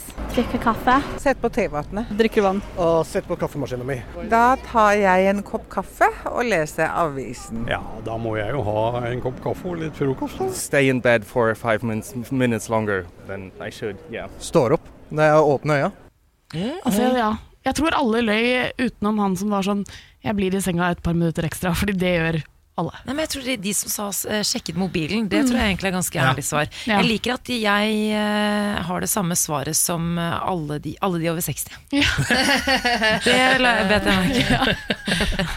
Men jeg tror man er litt forskjellig på hva man tenker som det første man gjør. Altså, det var jo noen som var veldig spot on. Jeg åpner øynene, jeg våkner. Altså, Ja. Men eh, altså, er det noen som er mer sånn på ja, den første handlingen. Liksom. Tar av meg dyna, liksom. Ikke, du tenker jo ikke på det som en handling, så man tenker jo kanskje at det, det å gå og tisse, da, for eksempel, er en første handling Ikke sant? per se. Du, Det der var en veldig myk og fin start på uka, syns jeg. Jeg har lyst til å, å steppe det opp uh, litt. Grann, fordi jeg leste en avissak, altså en sak i Dagbladet uh, fra Stockholm, hvor det var to jenter som i utgangspunktet var venninner. eh, Hvor hun ene klikka på den andre fordi de ikke ville på samme utested. Og regelrett prøver å banke henne opp på togstasjonen. Drar henne ut i togsporet og tenker 'jeg er så sint på deg at du skal dø', og at jeg dør samtidig. Det får bare stå til. Vi skal, vi skal dø begge to eh, her nå, fordi jeg er så sinna på deg fordi du ikke skal på samme uh, utested som meg. Uh, det, hun har et aggresjonsproblem. Det er tydelig. Men jeg tror alle, i hvert fall kan jeg innrømme for, på vegne av meg selv, at jeg har alltid drømt om å havne i en situasjon som jeg må slåss meg ut av. Fordi jeg har jo ikke lyst til å, å banke folk, men jeg har lyst til å kunne si etterpå sånn Jeg hadde ikke noe valg! Jeg måtte, det var selvforsvar. Jeg måtte slå meg ut av det. Uh, og det mistenker jeg at det er jeg ikke alene om, så jeg har lyst til at du skal sjekke på gata uh, Hvis du måtte slåss, hvem vil du banke, og hvorfor? Det syns jeg er så, det er så bra. Og jeg er helt enig med deg, for så vidt. For jeg har en sånn derre Jeg har bare lyst til å ha eh, sånn blått øye en gang i livet mitt. da. Jeg har ikke lyst til å bli slått nødvendigvis. Jeg blir, vil vite hvordan jeg ser ut med et blått øye. Ja, måte. det kan jeg ordne. Mm, Da kan jeg vet du hva du få- kan gjøre. Vi kan oppnå fantasiene våre Du kan uh, sykle i trikkespor, for da tryner du. jeg- Ja. mm. Og så får du sånn heftig blåveis, sånn som Janni Skavlan fikk. Nå ble Ja. jeg engstelig, faktisk. Eh, ja, men vet du hva, Det der syns jeg er ålreit. Eh, Mm. Hvem har du lyst til å banke opp? Eh, Ja. Og så kanskje litt hvorfor måtte, også, da. hvis du Ja, hvis du måtte. banke noen, Ja. hvem skulle det vært? Ja, du kommer sannsynligvis ikke i fengsel for det. Mm Eh, ja, men det, det er fint. Stikk ut og sjekk hva folket, folket mener. Uh, lykke til med det. Takk skal du ha. Morgen på Radio 1. Hverdager fra sex. Ken, jeg har et forslag til deg. Mm. Du er den i gjengen her uh, på Radio 1 som er mest glad i dyr. Du tar opp Dyrenytt hele tiden. Du snakker om eh, dyr som du er barnevakt for i virkeligheten. Ja, eh, og dyr som du skulle ønske du var pappa til. Og det har kommet eh, altså det har gått såpass langt nå at jeg syns at du skal bli Altså jeg du skal bli far til et, til et dyr. Ja, eh, det har jeg jo vurdert. Eh, jeg har jo Først så vurderte jeg hund, mm. og så tenker jeg litt Jeg tror kanskje det er litt mye styr med hund. Mm. At det ikke går overens med min single, ekstravagante livsstil. Ja. For mye lufting og sånn. Og så tenkte jeg katt. Mm, katt kanskje kan være noe. Morsomt at du sier det, Ken, Mhm. fordi jeg har den perfekte katten til deg. Han heter Bruno. Eh, jeg lærte, ja. lærte han å kjenne etter Jeg så han på Facebook med overskriften 'Alle vil adoptere overvektige Bruno'. Å, er han overvektig også? Jo Katten Bruno blir kalt alt fra verdens kuleste katt til en av de mest krevende, krevende kattene ute for adopsjon. Bruno ble plassert på et omplasseringshjem i Chicago i USA i april fordi han ikke kom overens med sine tidligere eh, families barn. Og i et Facebook-innlegg som er blitt delt over 30 000 ganger, søker nå dette omplasseringshjemmet etter et nytt hjem eh, for den 11 kilo tunge katten. Til tross for eh, Brunos mange kriterier, for han har et par, så er han en lat og tilbakelent type. Han har spesielle personlighetstrekk, bl.a. at han står på bakbeina mens han tigger etter mat. Han liker også å bli klappet mens han spiser. Eh, kan gjerne spise uten å bli eh, klappet, men da vil han mjaue uavbrutt til noen klapper ham. Og her tenker jeg sånn Dette her er jo helt perfekt, Ken, fordi det her er jo typen for deg.